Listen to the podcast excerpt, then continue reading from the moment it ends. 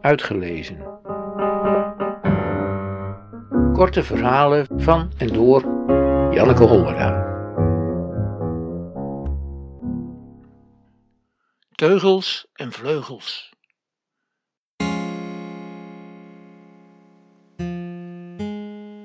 Een tijdje geleden vertelde een vriend me dat hij op zijn zeventiende een meisje zwanger had gemaakt. Ze heette Renate.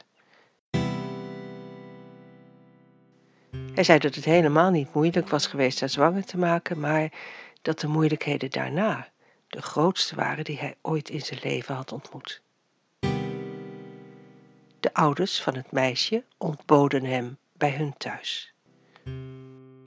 Onderweg er naartoe op zijn poeg, zo een met een hoog stuur en een knetterende knalpot, het ultieme symbool van vrijgevochten zijn, zijn lange haren wapperend in de wind, begreep hij dat zijn leven voorbij was. Niets, maar dan ook niets van zijn droom over vrijheid, de wereld zien en alles anders doen dan zijn ouders het hadden gedaan, zou uitkomen.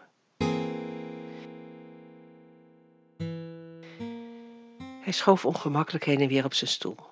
Zijn vriendin zat bleekjes in een hoekje. Ze is zwanger, zei haar vader. En wat ga jij nu doen? Mijn vriend schetste het scenario waar hij de laatste drie dagen onophoudelijk mee had geworsteld. Hij zou stoppen met zijn analistenopleiding, een baan gaan zoeken, een huisje huren en met haar gaan trouwen. Hij zou zijn verantwoordelijkheid nemen voor zijn vriendin en voor. Het woord baby kreeg hij niet uit zijn mond, dus hij knikte maar zo'n beetje in de richting van haar buik. Hij zei er niet bij dat zijn leven voorbij was. Het bleef heel lang stil. Niemand bewoog, ook zijn vriendin niet. Toen zei de vader: Dat gaan we dus niet doen. De vader en de moeder van zijn vriendin waren vrijgevochten mensen. Ze waren lid van de NVSH, de Nederlandse Vereniging voor Seksuele Hervorming.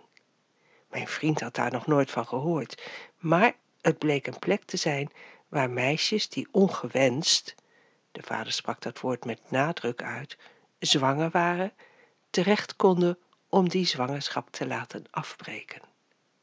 Mijn vriend knikte. De ouders stonden op, gaven hem een hand. Hij kon gaan. Zijn bleke vriendin lachte vanuit haar hoekje een heel klein lachje. Ze tilde haar hand een stukje op bij wijze van afscheid.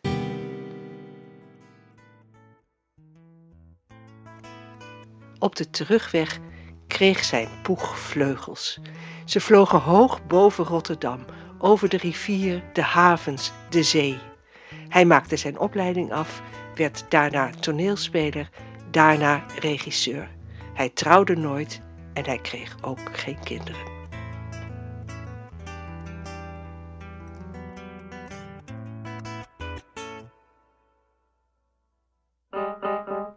Uitgelezen. Techniek Redwing Producties.